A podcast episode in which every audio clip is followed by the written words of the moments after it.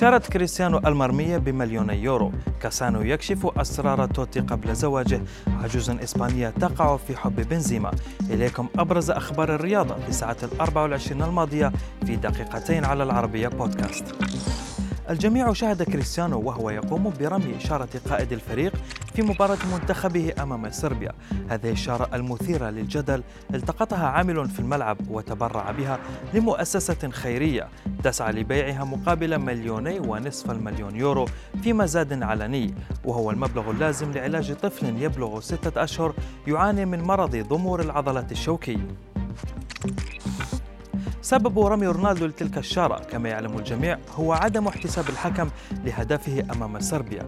والصربي ماتيتش لاعب يونايتد استغل الفرصة وسخر من زميله البرتغالي برونو فرنانديش بعدما ألصق صورة مفبركة توضح بأن الكرة لم تتجاوز خط المرمى ووضعها عند مكان جلوس برونو في غرفة ملابس الفريق.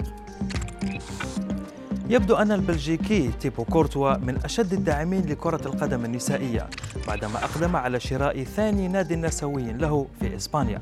الفريقان هما إنتر دو مدريد ونادي لوغرونو وسيلعب الفريقان بدءا من الموسم المقبل بشعار واحد وألوان واحدة في الدرجة الأولى النسوية الإسبانية.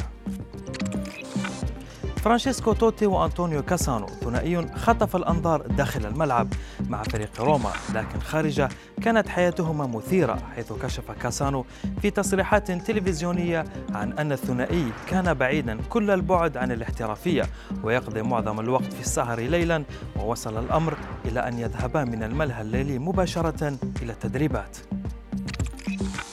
هي عجوز عاشت لمئة عام عاشقة للاعب ريال مدريد كريم بنزيما. إنها الجدة الإسبانية فيكتورينا التي بقيت تتحدث عن بنزيما أثناء تلقيها للقاح فيروس كورونا. اللاعب الفرنسي سمع عن الواقعة ليرسل لها قميص الفريق مرفقا بتوقيعه كما أرسل لها مقطع فيديو أعرب من خلاله عن رغبته في لقائها قريبا.